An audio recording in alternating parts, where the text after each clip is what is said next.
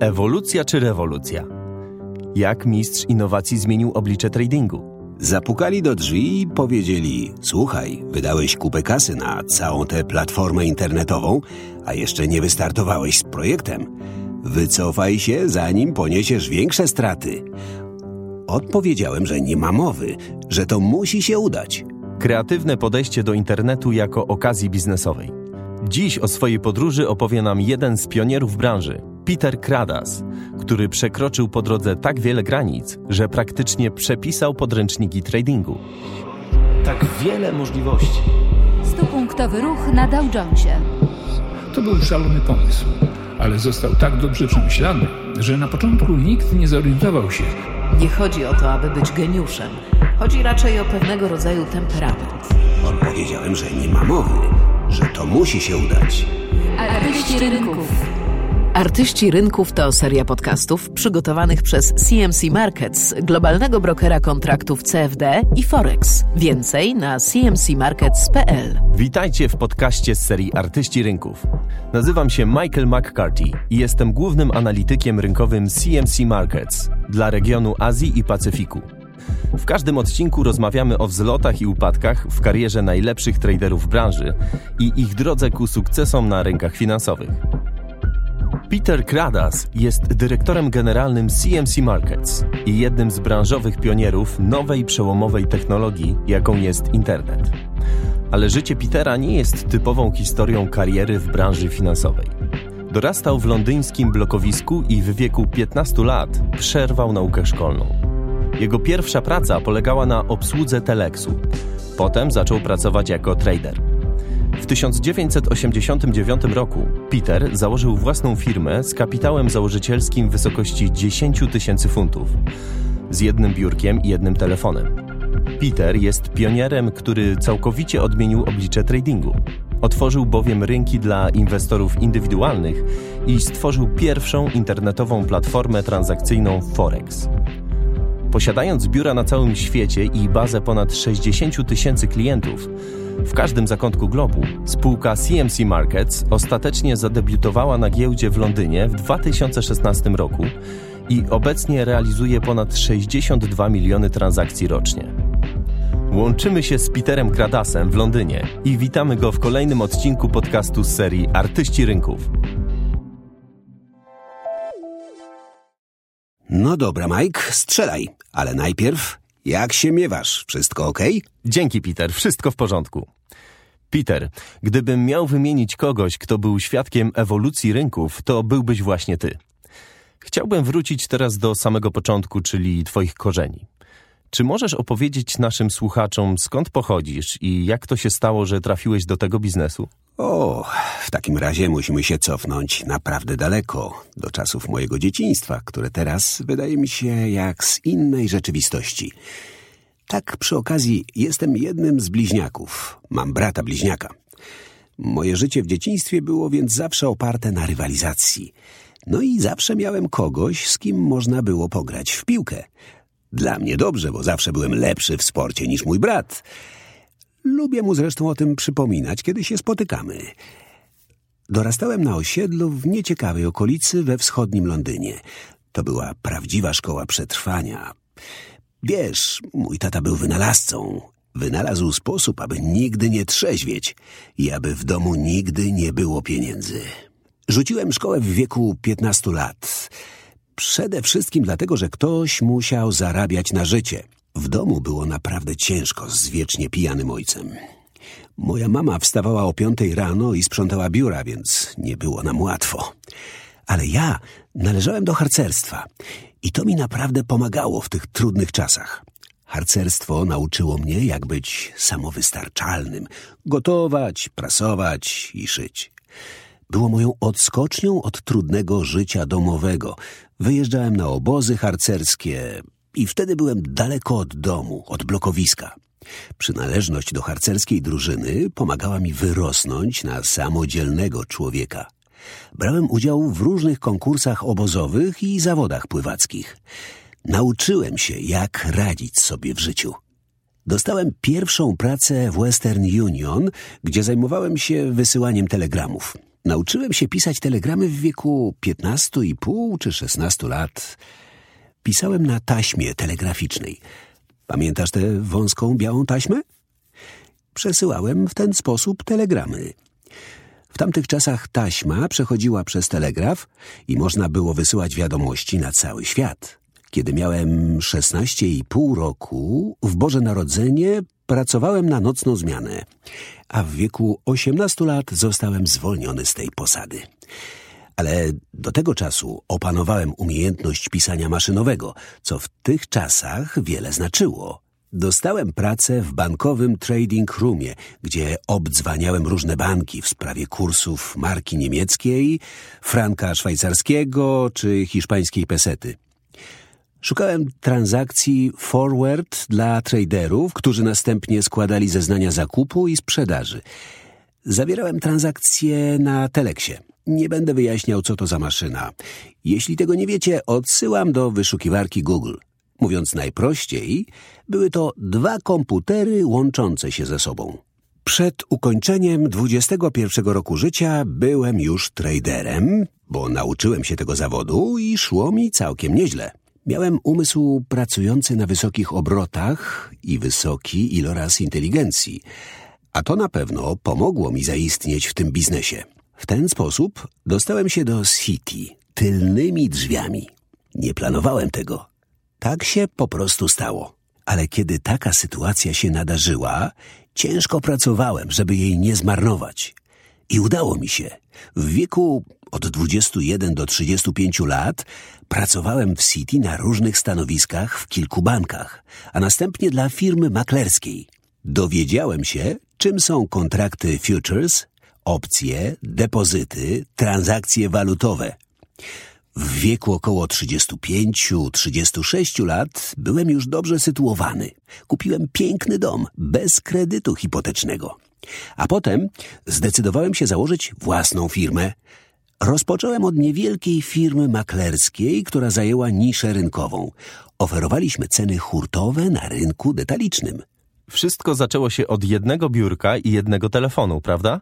Pamiętam to bardzo dobrze, bo właśnie wtedy, w lutym 1990 roku, urodziło mi się dziecko, a w czerwcu pojechaliśmy z żoną na wakacje. Córka, która miała kilka miesięcy, gdy zakładałem firmę, jest teraz lekarzem pracującym dla NHS. Właśnie ukończyła studia medyczne. A nasza starsza córka, która urodziła się dwa lata wcześniej, pracuje teraz w finansach, ale nie w CMC, żeby nie było wątpliwości. Kiedy wróciłem wtedy z wakacji w czerwcu 1990 roku, wynająłem małe biuro w City w budynku z czasów wojny, chyba pod numerem 3. Moje biuro mieściło się w suterenie bez okien. Stało tam tylko jedno biurko i jeden telefon. Nie było Reutersa. Przeniosłem się tam, zamiast pracować we własnej sypialni. Wstawałem o 5.30 czy 6 rano. Byłem do tego przyzwyczajony. Goliłem się, wskakiwałem w garnitur i jechałem do tej klitki bez okien. Siadałem przy biurku i myślałem, co dalej. Nie miałem w głowie żadnego wielkiego planu. Skrót CMC oznacza Currency Management Consultancy, bo początkowo oferowałem usługi doradcze dużym firmom. Chciałem im doradzać, w jaki sposób zabezpieczać ryzyko walutowe i jednocześnie działać jako makler. Pamiętam, że wysłałem ofertę do około stu firm, takich jak Southbase czy Rolls-Royce. Dostałem odpowiedzi od jakichś dwóch procent z nich ale był między nimi list od Rolls-Royce'a z Derbyshire, który wyraził zainteresowanie moimi usługami w zakresie zabezpieczania transakcji walutowych. Podali mi numer kontaktowy i umówiłem się na spotkanie za sześć tygodni. Ale jakieś dziesięć dni przed terminem zadzwonili i odwołali spotkanie. Nigdy ostatecznie do niego nie doszło. Pomyślałem wtedy, że zawód konsultanta i doradzanie innym to chyba nie jest zajęcie dla mnie, jeśli wszystko ma się tak powoli toczyć. Potrzebowałem większej dynamiki. Skoncentrowałem się więc na działalności maklerskiej. Zacząłem tworzyć wykresy i tak dalej. zajmując się tym przez większą część 1990 roku. A potem los się do mnie uśmiechnął, lub może odwrócił plecami do innych, na szczęście dla mnie. W sierpniu 1990 roku Saddam Hussein dokonał inwazji na Kuwait. Ceny szalały. Inwestorzy interesowali się różnymi walutami i rynkami. Ceny metali rosły, kursy walut były niestabilne. Pojawiło się więc wielu potencjalnych klientów w postaci spekulantów walutowych. Od 1990 do około 1994 roku prowadziłem niezły butikowy biznes, który chyba już wtedy działał pod nazwą CMC Corporation. Szło mi naprawdę nieźle. Sporo zarabiałem. W pierwszym roku działalności od 1990 do 1991 roku nie zarobiłem wprawdzie nic, ale później na moim koncie zaczęły pojawiać się pokaźne sumy. W 1994 roku po raz pierwszy przeczytałem o nowym wynalazku. To był internet. I pomyślałem sobie, wow, to będzie naprawdę coś. Dla mnie internet oznaczał to samo, co wcześniej telex. Możliwość łączenia się z różnymi firmami na całym świecie. Pamiętałem przecież, jak robiłem pierwsze przelewy pieniężne dla Western Union, które pojawiły się pod koniec lat 60. Musieliśmy wypisywać zlecenia na przelewy i wysyłać je do biur Western Union na całym świecie. To były czasy, kiedy przelewy pieniężne były jeszcze w powijakach. W każdym razie zdałem sobie sprawę, że internet również oznacza możliwość łączenia ludzi w różnych zakątkach globu. Peter, zanim do tego przejdziemy, chciałbym o coś zapytać. Aby zrobić taki krok w nieznane, trzeba mieć w sobie jakąś odwagę. Zakwestionowałeś stare systemy, przetarłeś nowe szlaki. Jakie to uczucie? Będę z tobą szczery. To było fantastyczne uczucie. Kocham wyzwania. Uwielbiam wywracać wszystko do góry nogami. Uwielbiam nowe rozdania. To jest właśnie istota przedsiębiorczości. Są różne typy przedsiębiorców. Niektórzy kupują już istniejący biznes i reorganizują go, a inni, tacy jak ja, tworzą coś z niczego. Ale wszyscy kochamy wyzwania, bo uważamy, że zmiany i wyzwania dają nam przewagę nad konkurencją. I tak naprawdę jest. Często opowiadałem pracownikom CMC, a właściwie nadal im to opowiadam, że kiedy uruchamiałem biznes transakcji online, zatrudniałem w biurze w Wielkiej Brytanii około 25 pracowników. I wszyscy oni, a szczególnie traderzy, traktowali internet jako zagrożenie, które odbierze im pracę. I proszę, dwadzieścia parę lat później zatrudniam tysiąc osób w piętnastu krajach na świecie. Moja rada dla pracowników jest więc taka, że nie należy obawiać się zmian, nie należy im się opierać. Trzeba je przyjąć i obrócić na swoją korzyść. W październiku 1996 roku wystartowała pierwsza w Europie internetowa platforma transakcyjna. Ale najpierw opowiem, co działo się wcześniej. We wrześniu usłyszałem pukanie do drzwi. Zatrudniałem wtedy w firmie trzech dyrektorów. Jeden z nich, dyrektor finansowy, przyszedł do mnie wtedy z sekretarzem firmy. Zapukali do drzwi i powiedzieli: Słuchaj, wydałeś kupę kasy na tę całą platformę internetową, a jeszcze nie wystartowałeś z projektem. Wycofaj się, zanim poniesiesz większe straty. Odpowiedziałem, że nie ma mowy, że to musi się udać. Z perspektywy czasu wydaje się to decyzją oczywistą, ale wtedy było bardzo trudne, bo chyba nikt w firmie nie chciał uruchomienia platformy transakcyjnej online, skoro wszyscy uznawali ją za zagrożenie. A dyrektor finansowy sygnalizował, że ubywa nam pieniędzy. Ale to była moja firma, więc postawiłem na swoim. Skąd wiedziałeś, że musi się udać? No cóż, gdybym powiedział, że miałem stuprocentową pewność, że się uda, to nie byłaby prawda. Ale właśnie takie wyzwania, zmiany i znaki zapytania mnie inspirują i zachęcają do działania. Nigdy nie ma się stuprocentowej pewności. I ja też jej wtedy nie miałem. Kiedy wystartowałem z pierwszą w Europie internetową platformą transakcyjną, Strony internetowe nie były jeszcze dynamiczne, nie było aktualizacji w czasie rzeczywistym.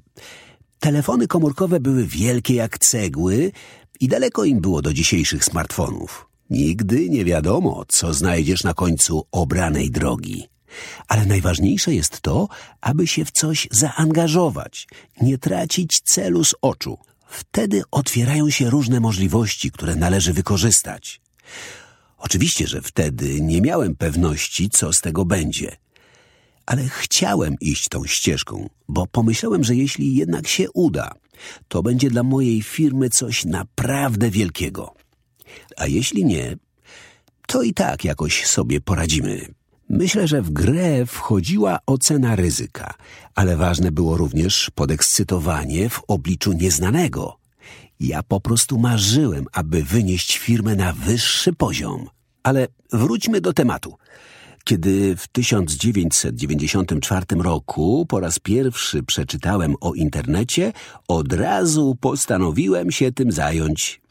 Znalazłem kilku programistów, którzy tak naprawdę zajmowali się oprogramowaniem telefonicznym. I razem stworzyliśmy coś, co można opisać jako ulepszoną usługę poczty elektronicznej. Wysyłaliśmy więc wiadomość, a ktoś na nią natychmiast odpowiadał. Ręcznie aktualizowaliśmy ceny na rynku Forex. Na początku tylko to mieliśmy. W tamtych czasach ceny na rynku Forex nie były aktualizowane w czasie rzeczywistym. Nie było streamingu. Wszystko musieliśmy robić ręcznie. W październiku 1996 roku wystartowaliśmy z naszą pierwszą internetową platformą transakcyjną. Była to pierwsza taka platforma w Europie i prawdopodobnie pierwsza na świecie na rynku Forex. I tak w październiku 1996 roku zmieniło się dla mnie wszystko. Rosła baza naszych klientów, efektywność, przejrzystość, a jednocześnie spadały koszty transakcji na produktach finansowych, czyniąc je dostępnymi dla inwestora detalicznego. Kiedy teraz jadę na roadshow i spotykam się z inwestorami, mówię im często, że dzięki takim rozwiązaniom zwykły taksówkarz może zatrzymać się na poboczu drogi, kupić lub sprzedać jeden z dziesięciu tysięcy różnych produktów finansowych za pomocą swojego telefonu komórkowego, a ceny będą takie same, jakie zapłaci Goldman Sachs. Myślę, że to dobra puenta. Otworzyłeś w ten sposób rynki dla mas. Co cię do tego popchnęło? Moja motywacja niekoniecznie była szlachetna. Wcale nie pragnąłem być pionierem wprowadzającym inwestorów indywidualnych na wielkie rynki finansowe. Ale był na to popyt. Wielkie instytucje były zainteresowane tylko dużymi transakcjami. Inwestorzy detaliczni oznaczali nowe możliwości. Gdyby udało nam się wejść w tę niszę, istniał tam dla nas ogromny potencjał. Organizowałem więc rynek, by się upewnić, co będzie dla nas korzystne. Taka była moja motywacja. Wykorzystywałem internet, aby dotrzeć do inwestorów indywidualnych. Nie telefon czy teleks, bo przecież teleksu ludzie nie mogą sobie od tak kupić. Mogli zrezygnować również z urządzeń Reutersa, bo dzięki nam mieli dostęp do aktualnych notowań. Właściwie na tej naszej pierwszej platformie publikowaliśmy ceny Reutersa z rynku Forex obok naszych cen, aby dać naszym klientom pełen obraz rynku. Mogli więc kupować i sprzedawać po naszych cenach i porównywać je z notowaniami na rynku bazowym. W 2000 roku otworzyliśmy biuro w Sydney. Jednocześnie wystartowaliśmy z produktem, który mogę opisać jako klasyczny produkt finansowy. Mówię o CFD, czyli kontraktach na różnice kursowe. To właściwie żadna nowość. Weźmy indeks ASX 200 i cenę kontraktów futures w Sydney. To nic innego jak właśnie kontrakt na różnicę. Może on być przedmiotem obrotu na giełdzie. Ale CFD to w zasadzie warunki rozliczenia, a nie produkt sam w sobie. Jeżeli więc kupisz przez brokera kontrakt futures na ASX 200, po jego wygaśnięciu nie otrzymasz jednej setnej akcji. Możesz mieć tylko jedną całą akcję. Trzeba więc taki kontrakt futures zamknąć. I tak, jeśli zajęliśmy pozycję długą, sprzedajemy, a jeśli krótką, kupujemy. Powstała różnica, to twój zysk lub strata. I ta właśnie różnica stanowi przedmiot kontraktu. S&P 500, Dow Jones, DAX. W wypadku wszystkich tych indeksów kontrakty na różnicę wynikają z obrotu na rynku futures. Wykorzystaliśmy więc ten pomysł. To był produkt syntetyczny. Wykorzystywaliśmy więc ten pomysł i zastosowaliśmy go w odniesieniu do różnych produktów finansowych. Na początku nowego tysiąclecia mieliśmy platformę internetową, na której można było obracać tysiącami różnych produktów z jednego rachunku, zamiast otwierać osobne rachunki maklerskie, rachunki futures, rachunki towarowe czy rachunki walutowe. Wszystko odbywało się na jednej platformie. Można zapytać, dlaczego to akurat my zdobyliśmy przewagę nad konkurencją. Myślę, że przyczyn jest kilka. Po pierwsze, wspólna platforma. Po drugie, nasze ceny i jakość realizacji zleceń. No i sam produkt. Możliwość obracania wszystkimi produktami na jednej wspólnej platformie pozwoliła firmie wykorzystać skalowalność i obniżyć koszty dla inwestorów detalicznych, pozwalając im kupować i sprzedawać różnego rodzaju produkty finansowe we wszystkich strefach czasowych na świecie. Dotarliśmy więc do początku XXI wieku. Jesteśmy na progu rewolucji w branży tradingowej. A co działo się później? Wtedy zaczęliśmy zdobywać świat. Wprowadziliśmy na rynek kontrakty CFD, stworzyliśmy biuro w Sydney, które było naszym pierwszym zagranicznym biurem. Okres od 2000 roku do dziś opisałbym jako obfitujący w gwałtowne wydarzenia. Na świecie wydarzyło się tak wiele. W 2000 roku mieliśmy bańkę internetową, czyli boom na dotcomy, spółki działające w internecie. Rok później, 11 września, zamach na World Trade Center, a całkiem niedawno referendum w sprawie Brexitu.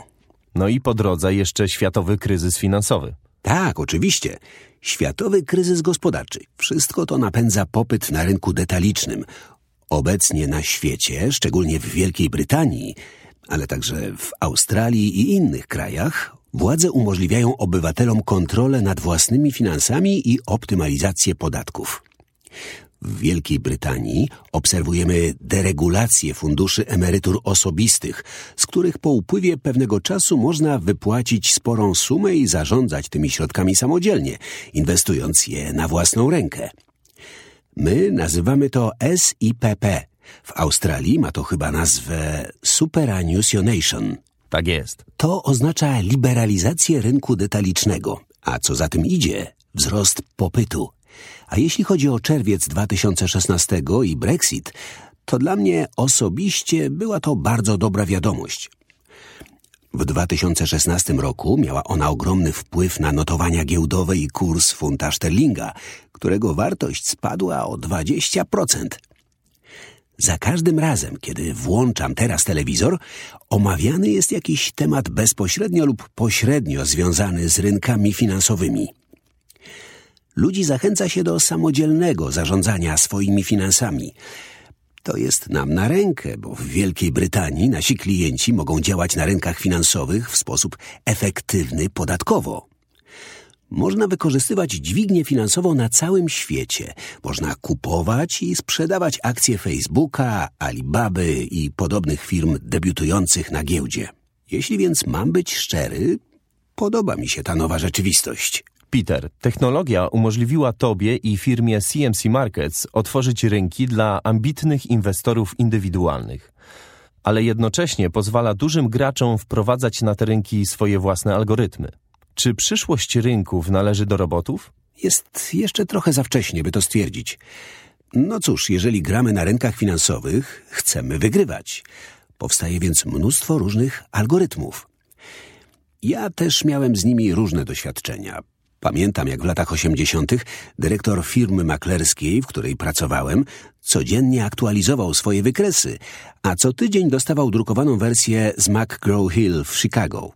I w 1987 roku, kiedy nastąpił wielki krach na giełdzie, w Wielkiej Brytanii szalał akurat huragan, powalając drzewa.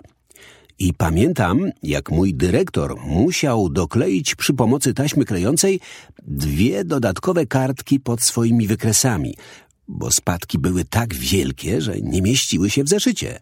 To było szaleństwo. Ja wtedy też przygotowywałem własne wykresy, a ten facet naprawdę sporo mnie nauczył. Zawsze oddawał mi swoje stare dokumenty. Tydzień po wielkim krachu giełdowym dostał w poniedziałek rano nowe wykresy i jak zwykle dał mi stare, z dwiema dodatkowymi stronami przyklejonymi na dole. Spojrzałem na niego, wziąłem te wykresy i wrzuciłem je do kosza na śmieci. Powiedziałem, że chyba wie, co może sobie z nimi zrobić. Że to absurdalne, bo nie pomogły nam przewidzieć tego krachu. Jeśli zaś chodzi o roboty, to według mnie znajdzie się dla nich miejsce. Trading to działalność, która odbywa się na różnych poziomach. Słyszeliśmy wszyscy o handlu wysokich częstotliwości, czyli HFT. My nie wpuszczamy robotów na naszą platformę, bo działamy w sieci publicznej. Tak naprawdę wiele robotów czy inwestorów posługujących się algorytmami decyzyjnymi HFT wykorzystuje opóźnienie rynku i technologii.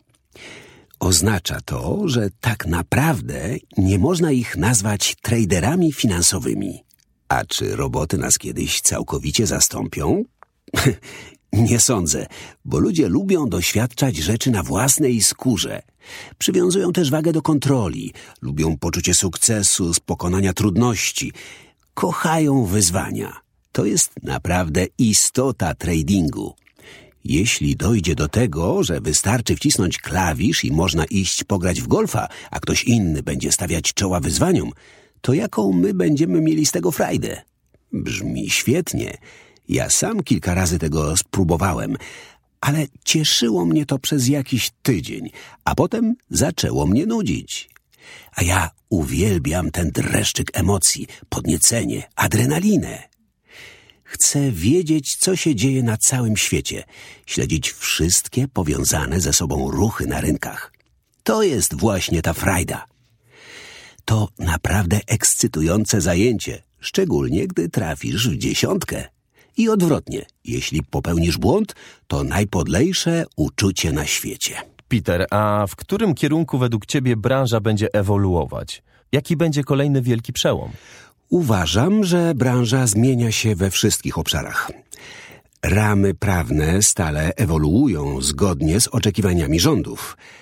Założenie jest takie, aby klienci nie traktowali rynków finansowych jak kasyna. To nie obstawianie w ruletkę, to sposób inwestowania pieniędzy wymagający wysiłku intelektualnego, a przy tym bardzo ekscytujący. Dlatego organy regulacyjne i rządowe zachęcają inwestorów do kontroli nad swoimi finansami, czemu bardzo przyklaskuję. I myślę, że w tym kierunku rynki będą się rozwijać. W tej chwili około 60% transakcji przeprowadza się z urządzeń mobilnych, więc technologie mobilne będą na pewno doskonalone. Ja kiedyś miałem iPhone'a i iPada. Teraz mam iPhone'a 7 Chyba wersja plus, a iPada już nie używam, bo telefon ma spory ekran. Mogę więc przeprowadzać transakcje przy pomocy iPhone'a, to znaczy nie tyle tradować, co je monitorować, bo nie działam już jako trader od momentu założenia CMC Markets. Kiedyś byłem traderem i szło mi bardzo dobrze. Sporo zarobiłem i zainwestowałem w CMC, ale od tego momentu w ogóle nie inwestuję na własny rachunek. Skupiłem się na CMC Markets. Czyli byłeś po obu stronach rynku. Najpierw byłeś traderem, a potem przeszedłeś na drugą stronę. Ale na pewno pamiętasz, że kiedy spotyka się trader z traderem, najczęściej rozmawiają o transakcjach, jakie je przeprowadzali. Czy masz taką transakcję, która szczególnie utkwiła ci w pamięci? Taką, która się wyróżnia na tle innych? Może to być zarówno twoja transakcja, jak i innego tradera na platformie CMC Markets. Opowiesz nam o niej? Przychodzi mi od razu do głowy jedna transakcja, która w pewnym sensie doprowadziła do założenia przeze mnie własnej firmy. Pracowałem wtedy w firmie maklerskiej, która obracała kontraktami futures. To była firma z Bliskiego Wschodu, a ja otwierałem dla nich trading roomy w Jordanii, Waszyngtonie, Genewie i Londynie. Nasi klienci byli naprawdę poważnymi graczami. Ale pewnego dnia oświadczyłem, że chcę działać jako trader na własny rachunek. Odpowiedzieli, świetnie, nie ma problemu. Postanowiliśmy wszystko dzielić równo po połowie, niezależnie od tego, czy transakcja była duża czy mała. Firma dostawała 50% i ja dostawałem 50%. W ten sposób nie było żadnych wątpliwości. Wszystko dzieliliśmy porówno. I pamiętam, że w tym czasie prezydent Związku Radzieckiego Gorbaczow przemawiał w ONZ. Nie pamiętam dokładnie, kiedy to było. Nie sposób spamiętać tylu dat i wydarzeń. To musiało być w latach osiemdziesiątych. Chyba około 1985-86 roku.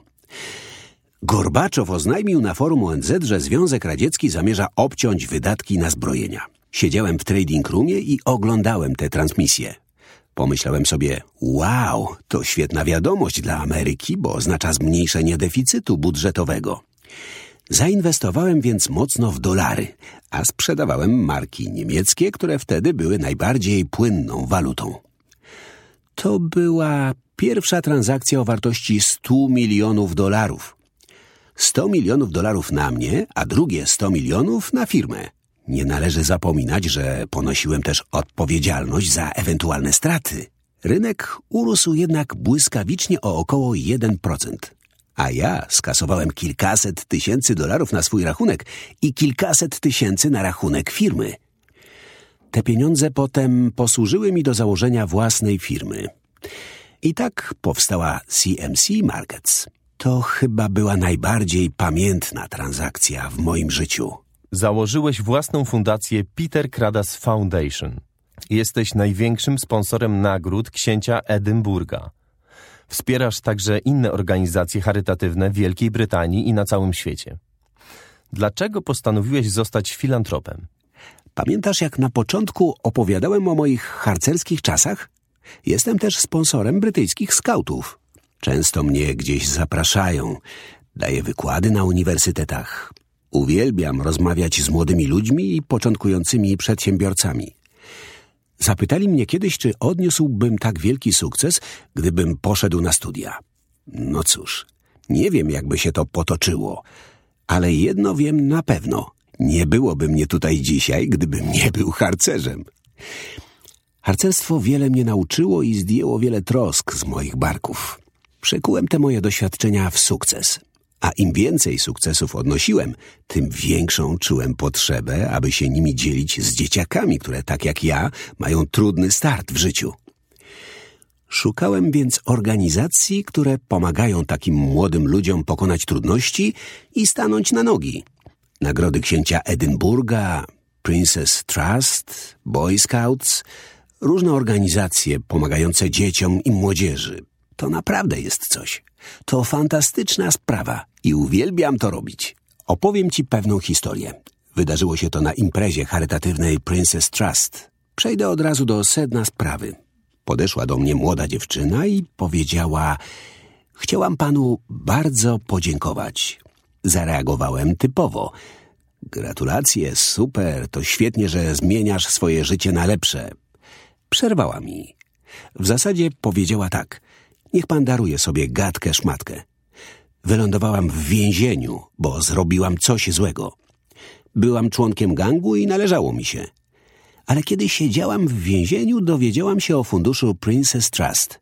A tego funduszu by nie było i nie mógłby pomagać, gdyby nie ludzie tacy jak pan, gdyby nie wasze pieniądze. Bo to właśnie pana pieniądze pomogły mi wyjść z więzienia i założyć własną firmę. Ale najważniejsze jest to, że mogłam zabrać dwójkę moich dzieci z domu dziecka i teraz znów jesteśmy razem. To wszystko dzięki pomocy Princess Trust. Gdyby nie ludzie tacy jak pan, nie wyszłabym nigdy na prostą. Są tysiące takich historii o młodych ludziach w potrzebie. Ale te akurat dobrze pamiętam, bo dziewczyna zarzuciła mi ramiona na szyję i mocno mnie uściskała. No i oboje się popłakaliśmy. To był niezapomniany moment. Faktycznie niesamowita historia. Peter, powiedz nam, jaką spuściznę chciałbyś po sobie zostawić? Nie myślę o tym, mówiąc szczerze. Chyba jestem trochę egoistą. Uwielbiam pracować, Pracuję już od 50 lat. W przyszłym roku skończę 65 lat, choć wyglądam dużo młodziej. Ale lubię swoją pracę i bynajmniej nie mam zamiaru iść na emeryturę. Moje dzieci są już dorosłe.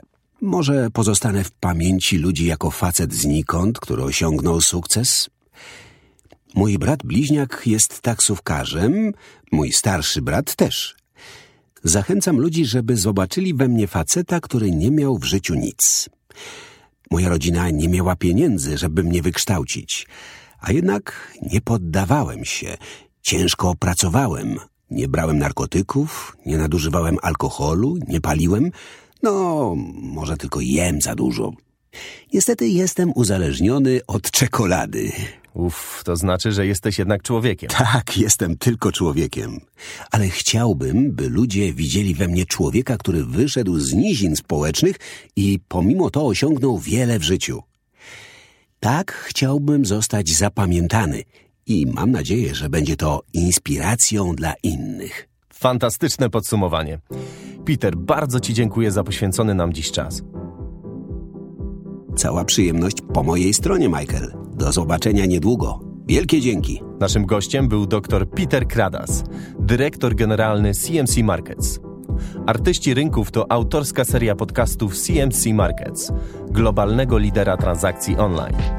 Aby być na bieżąco z nowymi odcinkami, zachęcamy do subskrypcji za pomocą aplikacji Apple Podcasts lub innych aplikacji na Androida, z których korzystacie, by słuchać ulubionych podcastów.